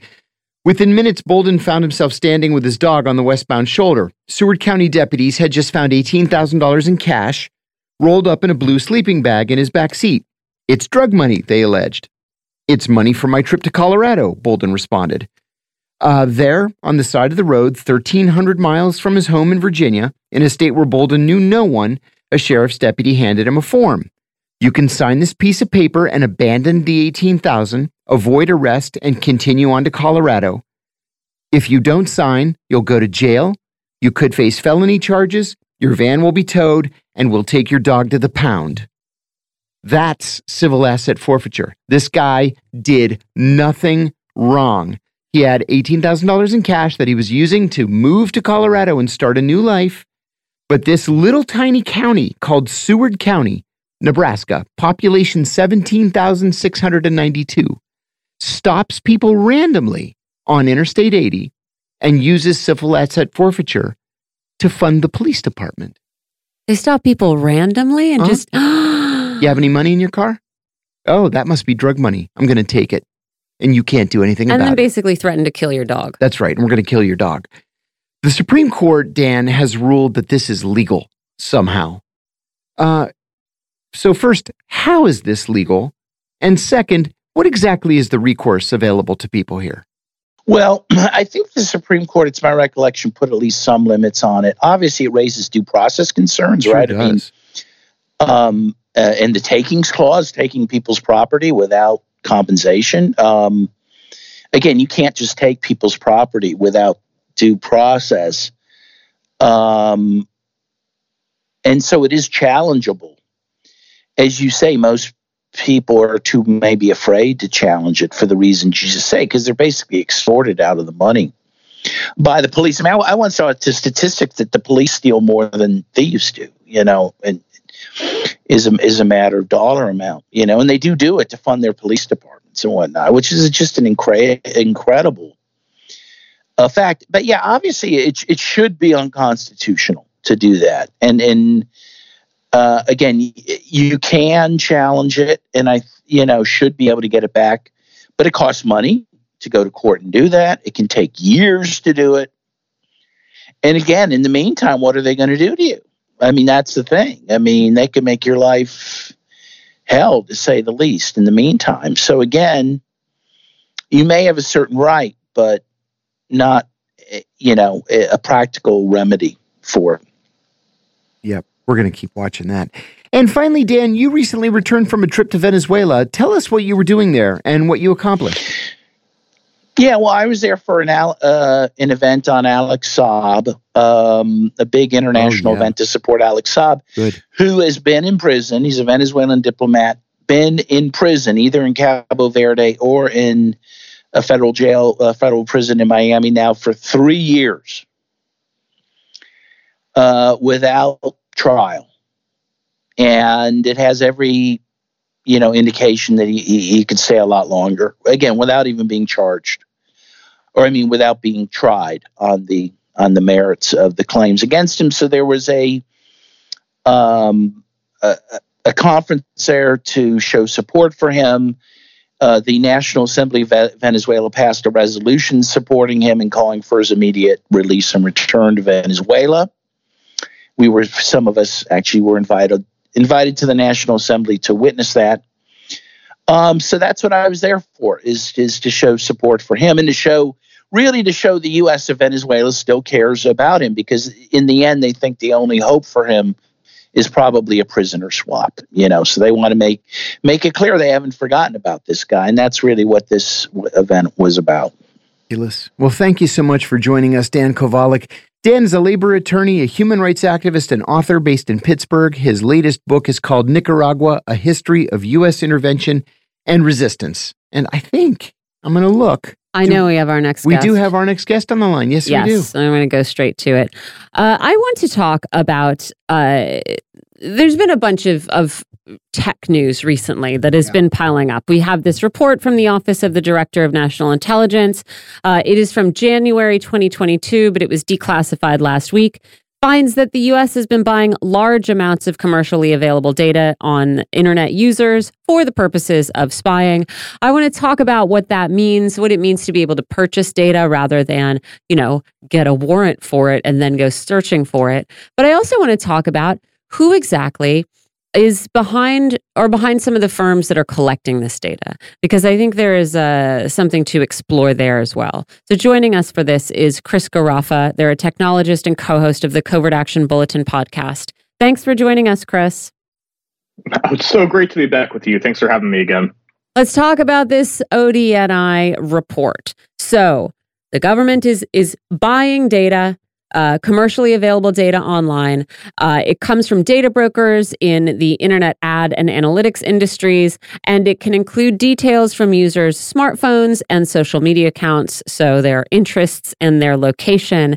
And while many of those online privacy statements that we agree to and click on or whatever promise us that our data will either be used specifically to cater to us as individuals or will be used in a totally anonymous way for market research, uh, it turns out that it is actually not that hard to de anonymize this data and trace it back to an individual.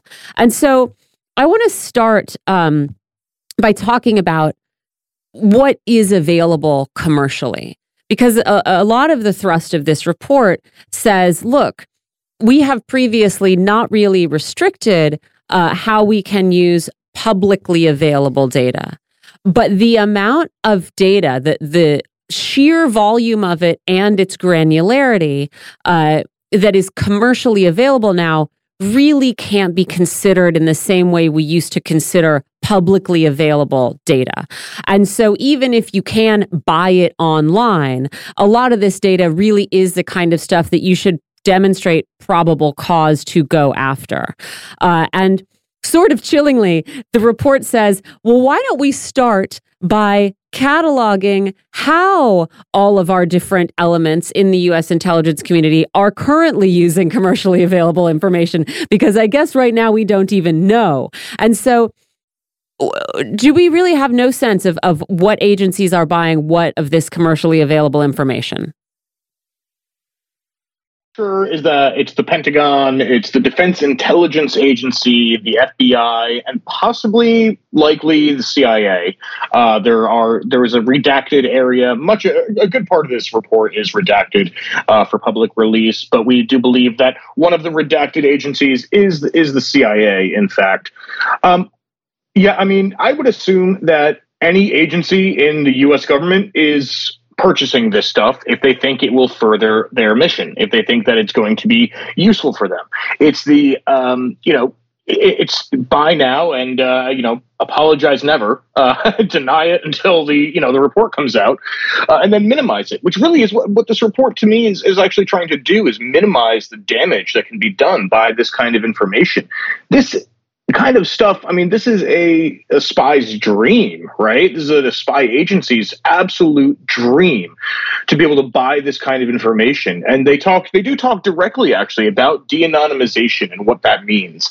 Um, and they point to a really great New York Times article from a couple years ago that shows that the New York Times bought some of this data from a commercial vendor and were able to figure out who some people were based on for example, you know, where do you go at 9 a.m. and go back to at 5 p. You know, at 5 p.m. So you you go to work, you leave, you go home. From there and from other information available online, if you have general addresses, you can start to figure out where somebody works, where somebody lives, who they are, what their schedule is, what their name is. From there, you can tie that to social media accounts, to banks, to all sorts of other transactions. Uh, so this is the kind of stuff that these agencies absolutely can't wait to get their hands on and use. You know, we know the NSA is building data centers. It's got that giant one out in Utah. It's got others. Um, and you know the, the amount of stuff that they're tracking based on what we know about their partnerships with companies like AT&T um, still can't even reach the detail level of detail that these kinds of records can can provide. And the the report notes that the de-anonymization can also be done with commercially available technology and data. And so the other question I have is if this commercially available information is so sensitive that government agencies shouldn't be able to get their hands on it without something like a warrant, you know, without sort of going through uh, a sort of uh, a constitutional sieve why should anyone have it, right? Because I don't really feel more comfortable with Amazon having this kind of information about me if the FBI isn't allowed to, to just peek at it, especially since we know, you know, Amazon's already trying to get into the grocery store business. They're already trying to get into the uh, the medical business. So, like, yeah, the idea that this this commercially available stuff is too dangerous for the government to just be able to access without any uh, restrictions. Why should Viacom or Blackstone or whoever? I'm so glad you brought up Blackstone because that's been you know there's some news that's been going around that actually is a few years old, but uh, Blackstone purchased uh, Ancestry.com, which one of the things that Ancestry let you do was run those those DNA tests. It yeah. would send you a kit, you swab, send it back, and now Blackstone run, owns them.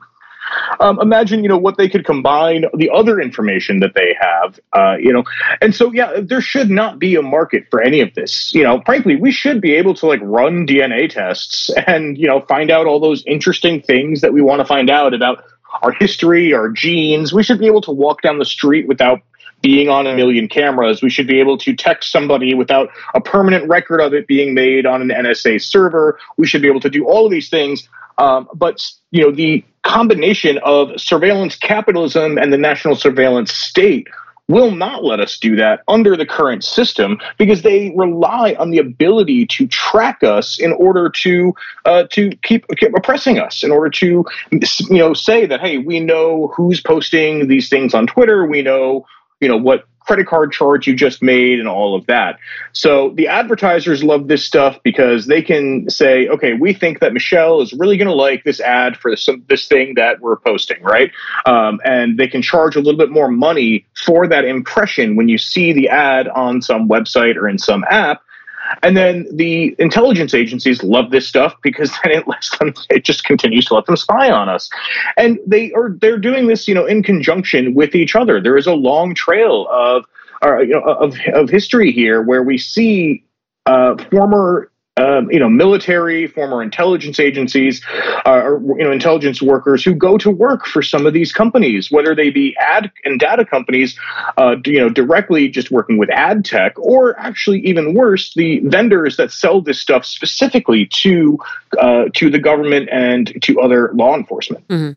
Yeah, and the thing is, uh, I'm sure that what is going to be proposed are regulations as to how government can access this data. It seems to me, again, that doesn't solve the problem of private companies being able to do whatever they want uh, with it. And so it seems like the the clearest way to prevent abuse is for companies not to collect it, right? And I understand that you know, there's you know, sure, like you have to keep your medical records somewhere, right? Like you have, I don't know, there there might have to be carve outs to this rule, but I wonder if that is that too simplistic. Is it too simplistic to think let's let's stop pretending that our government is going to catch up with the tech sector in terms of regulation and stop pretending that this data is safe in the hands of corporations that are actively exploiting us every minute of our lives. I mean, if that's not what health insurance uh, is primarily doing, I don't know what it is doing. Um, is it too simple to just say, actually, no, you can't retain any of this stuff anymore, guys?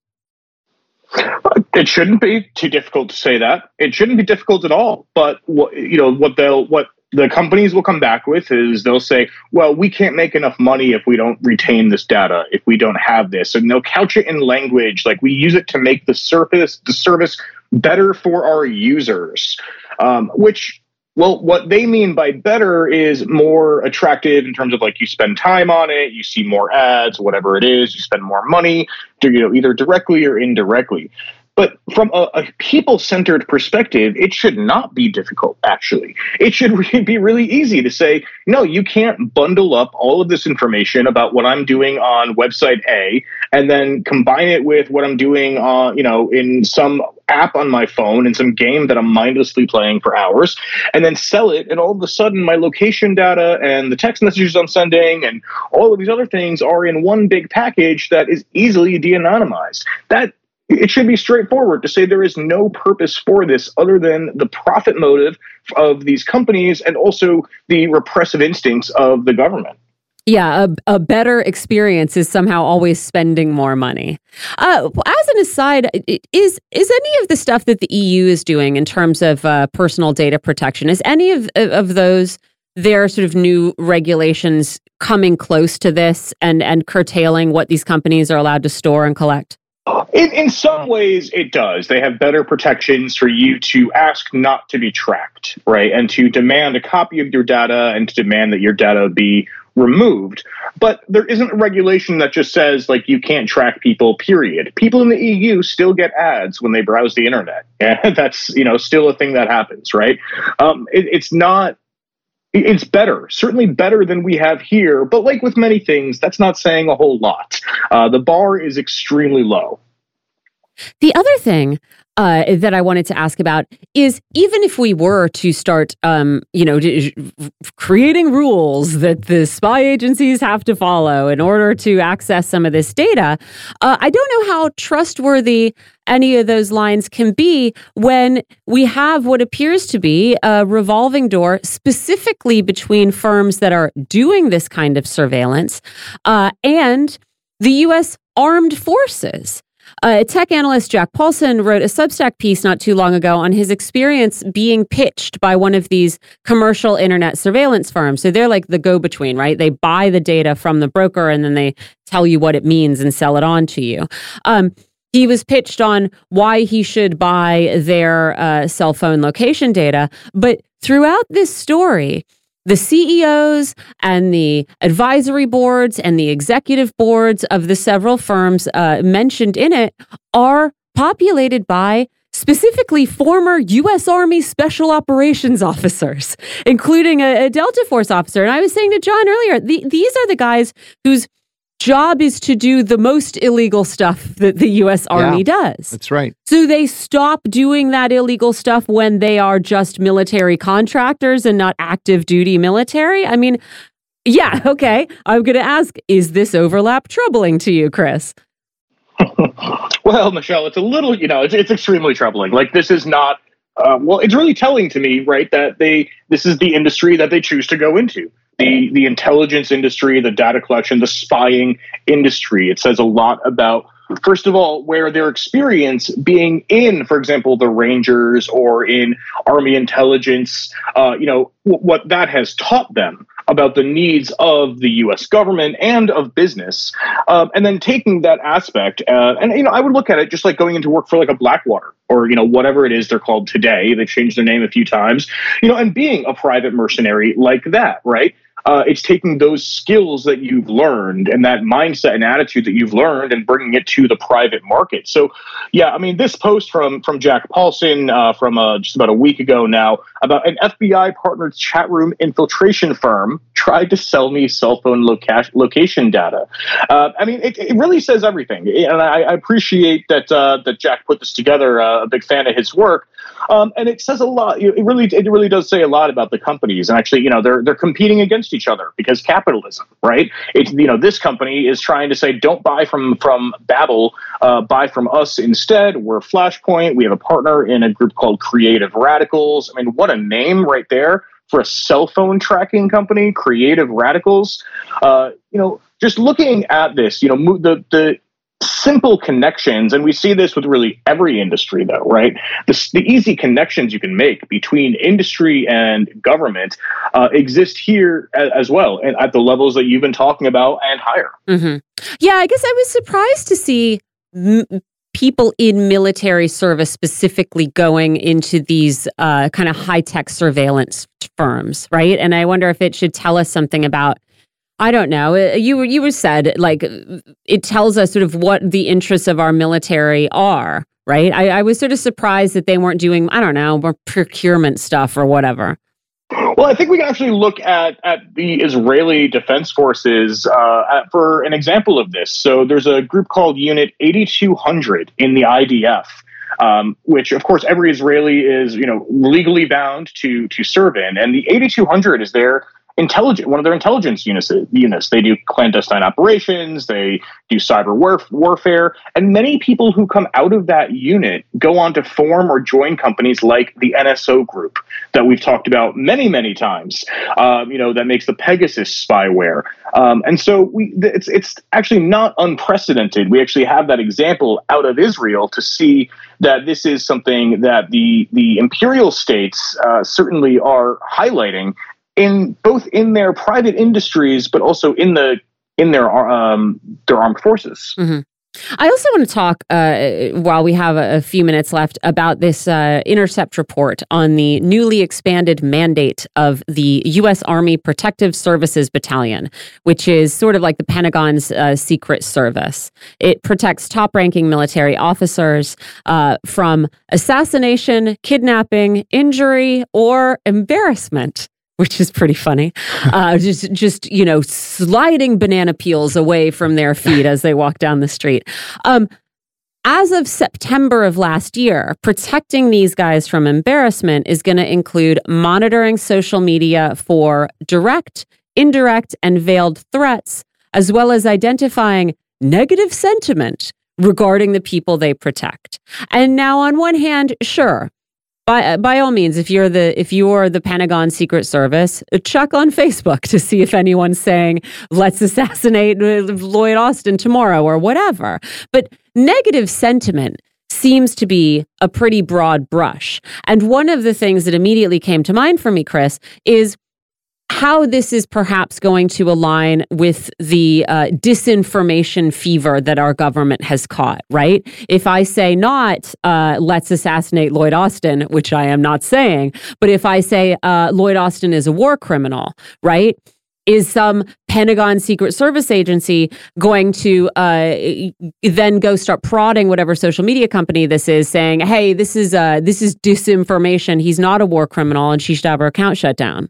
I, I, think it's certainly within the realm of possibility. What I tell people, uh, you know, when you're online is assume that anything that you post will one day be printed on the front page of a national newspaper will be read by a prosecutor against you in court with your name, your picture, you know, all of that. Um, and they won't understand the joke you are making. They won't understand the sarcasm, or they'll you know they'll purposely be misrepresenting it. Uh, if you know if you were trying to you know joke or just make an offhanded comment because of things like this. We know that people have had visits from the FBI, from the Secret Service for you know comments ar- about the president or comments about you know protests, especially during the uprising of 2020 um, that they were going to, and people were you know just being you know angry and rightfully angry and showing that anger and saying things on social media that you know caught the attention of law enforcement. And so it, it's you know the same kind of situation here. If you're talking about you know Lloyd Austin or whoever you know whoever it is that the the PSB here is uh, you know is protecting. Um, they're going to pay attention to that. And you know they will make note of that. And those things are all archived. Those are searched. And that is something that these companies going back to what we were just talking about some of these uh, you know intelligence companies like babel street they actually prioritize you know searching for information like this posts tweets stuff like that in order to kind of get a sense of what people are talking about but all you know in general but also to identify specific what they would consider threats. So this is all, you know, all certainly connected uh, when we're talking about these massive operations. Oh, good. Well, good to know it's all connected and it's all enclosing around us like a giant net. Chris, we don't have any more time, or I would uh, go into this in a lot more detail, but let our listeners know what you are getting up to at the Covert Action Bulletin podcast. We just released an episode this morning, in fact, uh, debunking the media myths about uh, uh, Blinken's recent trip to China and that surprise meeting with Xi Jinping, uh, really exposing the fact that uh, despite the fake diplomacy, the U.S. really doesn't want peace with China. They want war and they're trying to get it. So that just got released this morning. It's on Spotify, it's on all your favorite podcast players. Just look for Covert Action Bulletin. Thanks for joining us, Chris. We'll talk to you again soon. Thanks. John, I have updates from that um, Coast Guard press briefing. Oh. Which there aren't, the updates are really, there isn't much of an update. It is just that they are still looking. Uh, they, the U.S. Coast Guard representative said, we're, it's still search and rescue. We still have hope. There are still sounds being made, and we are sort of uh, uh, coordinating our search efforts to where these noises are are coming from. I think the update now is there's like 20 hours of air left. But I'm also looking in the New York Post saying this would be the the deepest rescue ever ever undertaken, and uh, that if indeed, I don't know. They spoke to an expert that said if a craft can actually reach that depth, uh, it, it very few crafts can actually reach that depth and come back up and that it would be really difficult if this thing is resting on the seafloor to be able to haul it back up. I, this is a New York Post expert, so who knows? Maybe tomorrow someone will say, no, no, actually, it's really easy. But you know, I read this morning too that one of the investigators said, yes, they're hearing they're hearing this knocking sound. Yeah. And, and water sort of transmits sound, right? It's easy to hear something. You can hear whales from miles and miles away.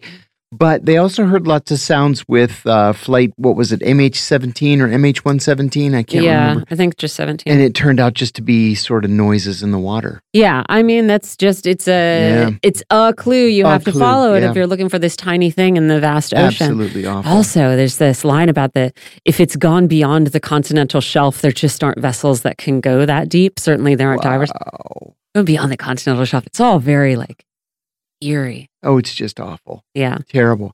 I have something for you. I thought that was kind of interesting. All right. Broward County, Florida. Did you happen to see this? No. Broward County, Florida announced that they have discovered an infestation of giant African, land snails. Yes. Yes. I've heard They vaguely. quarantined this area in the They county. did? hmm They did. Well, listen to what these things do. They eat 500 different kinds of plants. Me too. They also can chomp through stucco, plastic recycling I bins, probably could. and even metal signs. Uh, their They calcium. sh- eat through metal. I mean, rats are chewing through plastic recycling bins Sure. around here, but you know, yeah, go. on. They, their calcium shells bear pointy edges that are sharp enough to blow out tires of vehicles that run over them. And they carry a parasite called the rat lungworm that Sounds good. that pose that poses a health risk to humans and causes meningitis, ah, which is, of course, the swelling of the membrane surrounding the brain and the spinal cord. it was unclear to me, and I don't know if it is clear to you. Like it, it- these aren't. This isn't the first place that these snails Right. have been spotted in the U.S. Right, Right? Or right. it- yeah, but, But they what like try to is- swoop in and eradicate them. and thank God they're snails, so they move slowly, and you can sort of surround them and kill them all. If he runs away, he'll be easy to catch. Right. The great but and it, this is such a big deal that they're saying like you can't disturb the soil now in Does Broward it like County. poison the soil? Does it do something like that? Yeah, that's right. So they're saying it's illegal to move a snail or plants around a snail or the soil, compost, yard waste in or out of the area where the snail has been located. So you just, if you see a snail, run inside your house and call nine one one. Yeah. How do they And- get and here? And they'll come and get it. They think on a on a ship that it was part of a, you know, trade, whatever shipment came over and it was in one of the boxes or something or attached to a box. What do you think's going to come up with this submersible when they bring it up? Oh. Those kinds of sea snails. You know how many movies have been made with that as the premise? Well, yeah, there are people who are pointing out uh, the uh, abyss. Yeah, of course, pointing out the abyss, pointing out that um, the the whole expedition to find Titanic was actually secretly an expedition to find these two Two nuclear, nuclear subs. And then they were like, if you have any extra time, you can go find the Titanic if you want. Shapley did, yeah. Crazy. Real quickly, we have like a half a minute. You want to say something about Taylor Swift, the pride of Pennsylvania? Oh, I, Sean sees I've been copying this story for the last hour. That's all. She just beat attendance records. She Yeah. just beat the record for a concert. What would she have? Like 72,000 people? 72,887. Biggest concert in American history. Yeah, beat Garth Brooks, as I understand it. And I'm sorry, did no, it- no. He was 72,000. She had 78,000 She was or 73,117 in Pittsburgh. That is a lot of people. You know, it's funny to me because the stadium only holds 45,000. no, what? Yeah. So they had people on the field, they had people standing room only. They jammed almost twice as many people as the stadium is built for. That sounds I was just actually- there last week. That sounds actually I, terrifying. I went to a game there last Sunday. oh, all right. Yeah. Yeah. Taylor Swift's a real, real part of the zeitgeist right now. Wow. Congratulations, Taylor. I saw her in a restaurant once. She was having lunch with her parents and her grandparents, and it was lovely. Delightful. I'm going to hear the rest of this off air because we got to go. Thanks for listening, everybody. We will see you tomorrow. Bye.